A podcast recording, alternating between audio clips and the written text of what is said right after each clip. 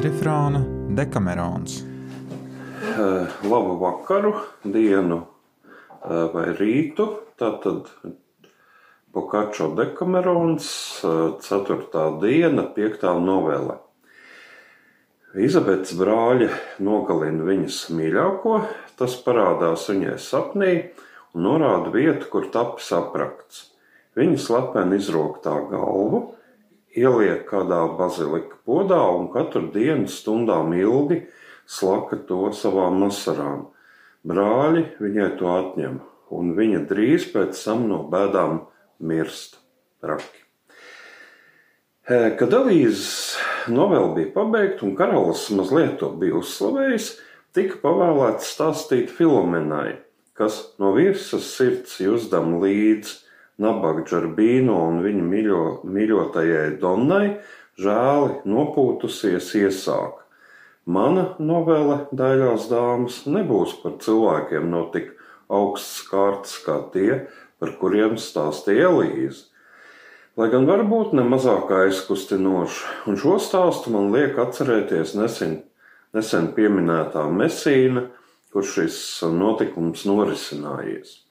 Tātad Mesīnā dzīvoja trīs jauni brāļi, tirgotāji, kas bija kļuvuši ļoti bagāti, bagāti pēc sava tēva nāves, kurš bija no San Džiminjāno, un viņiem bija māsa vārdā Izabete, ļoti daļa un tikusi jaunava, ko viņi nezinu kādu iemeslu dēļ vēl nebija izdevuši pie vīra. Turklāt šiem brāļiem vienā no viņu No veikaliem bija kāds jauneklis no Pizas, vārdā Lorenzo, kas valdīja un kārtoja visus viņa darījumus. Lorenzo bija visai stalta augumu un sevišķi izveicīgs, un kad Izabete vairākas reizes bija tanī noraudzījusies, atgadījās, ka tas viņai ārkārtīgi iepatikās.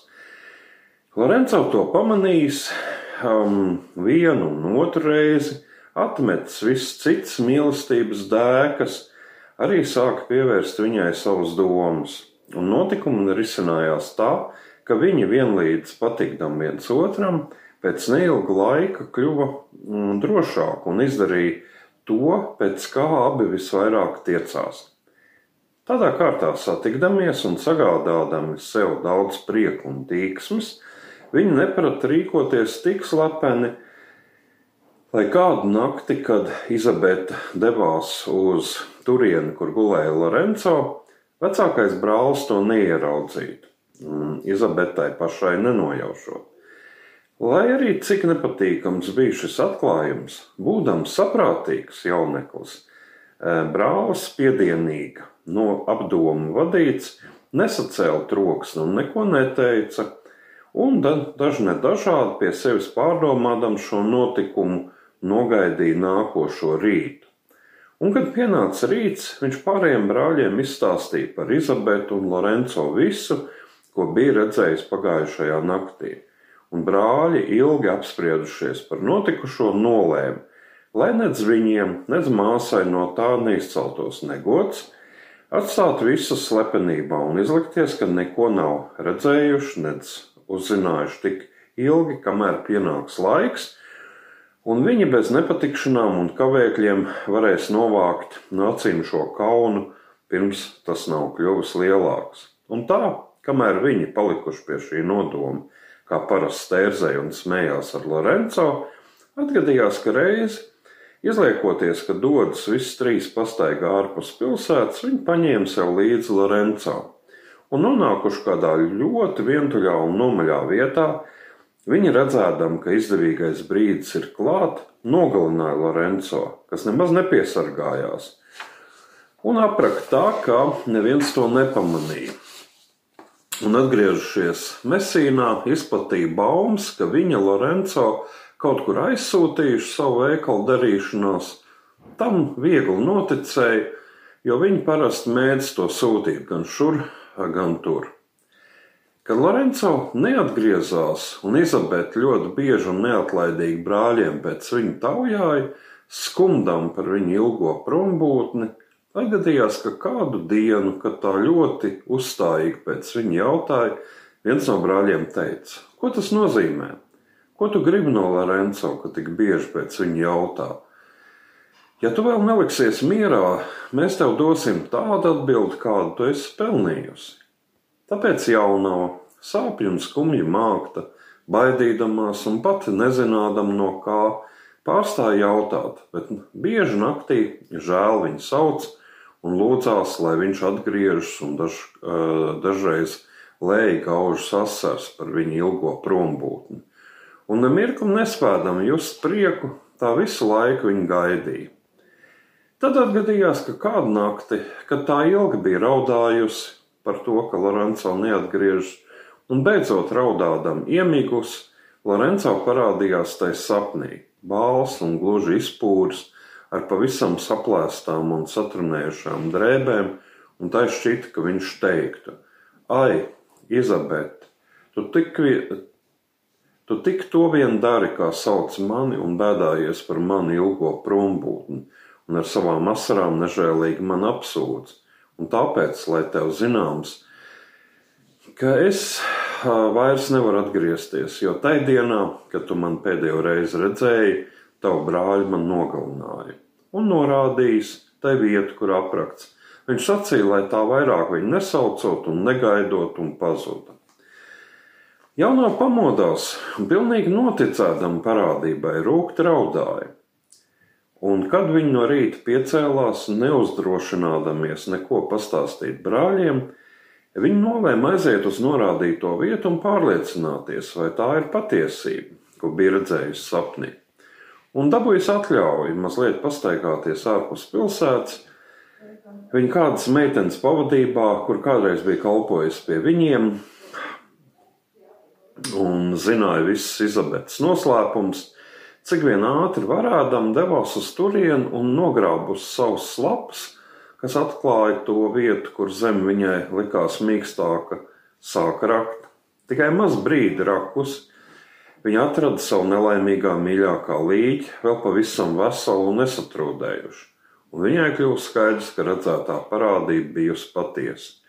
Noskumusi par to vairāk nekā jebkura cita sieviete, saprastama, ka šeit nav vietas asarām, viņa, ja vien varējusi labprāt būtu paņēmusi sev līdzi uh, visu mirušā ķermeni, lai to pienācīgi apbēdītu.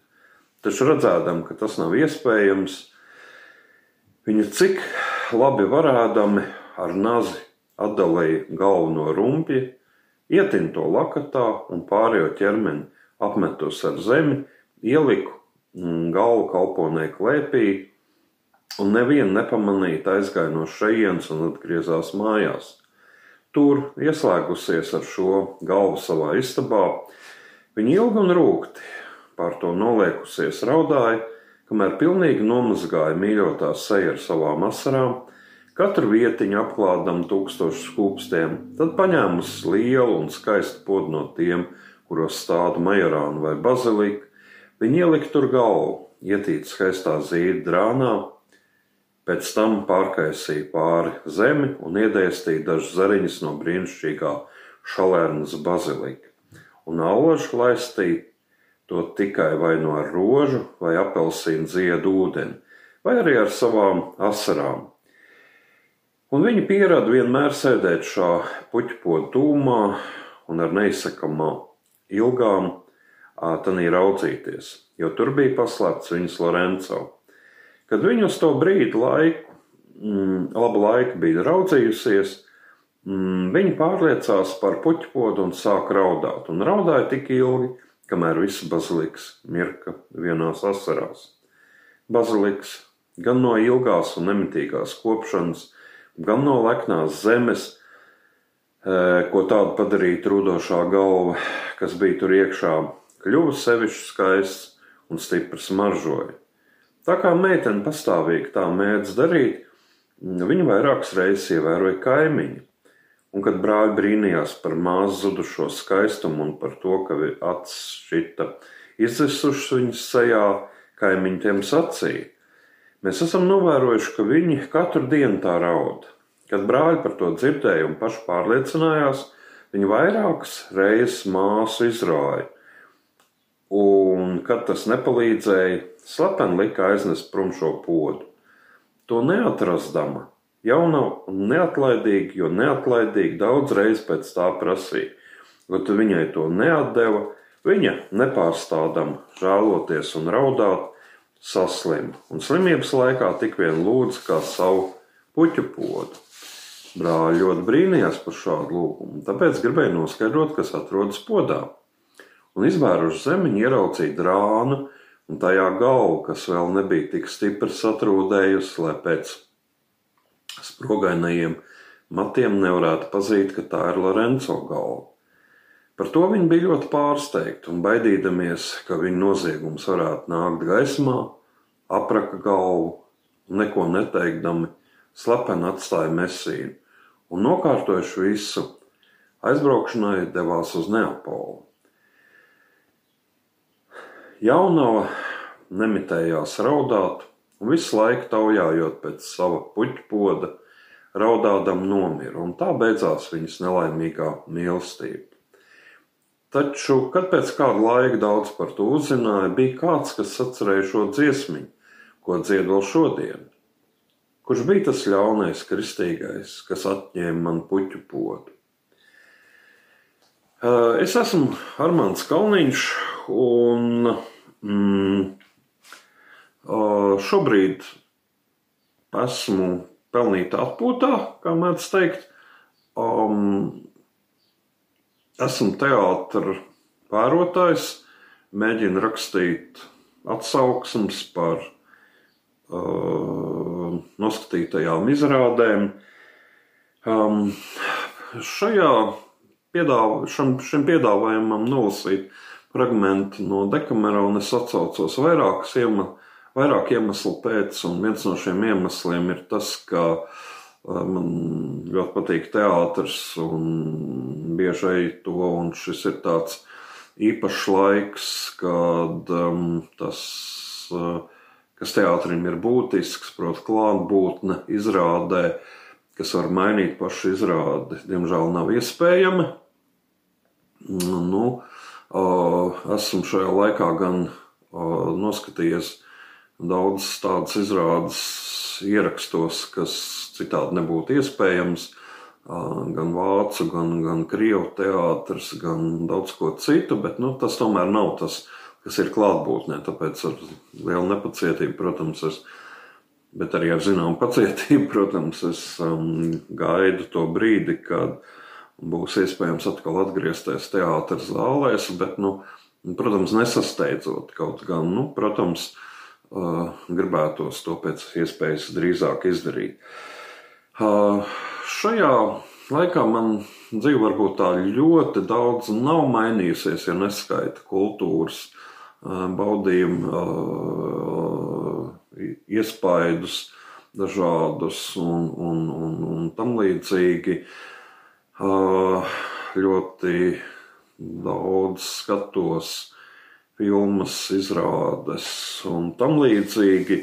Nu, un tā tad.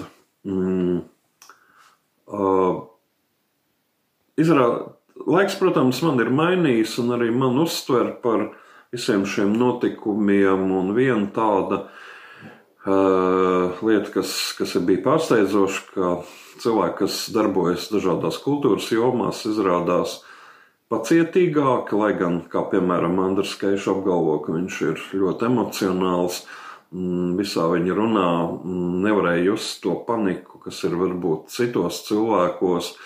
Nu, tāpēc jācer, ka mm, kultūras saprātīgums pēc šī grūtā laika pamazām pakāpeniski, ne uzreiz, bet tomēr atjaunosies. Nu, tā tad, lai mums visiem ir veselība un dzīves prieks, Un visbeidzot, vēl viena otrs iemesls, kāpēc tieši Dekamerons. Man bija 16 gadi, mm, kad es tā slapas izlasīju Dekameronu. Un, un, un kopš tiem laikiem man tā atmiņā bija palicis, ka tie ir tādi draiski eh, stāsti un ne tik briesmīgi kā šīs. Nu, lai mums varbūt tas draiskums dzīvē ir vairāk nekā, nekā, nekā šādi briesmīgi notikumi. Uz tikšanos teātros! Paldies! thank you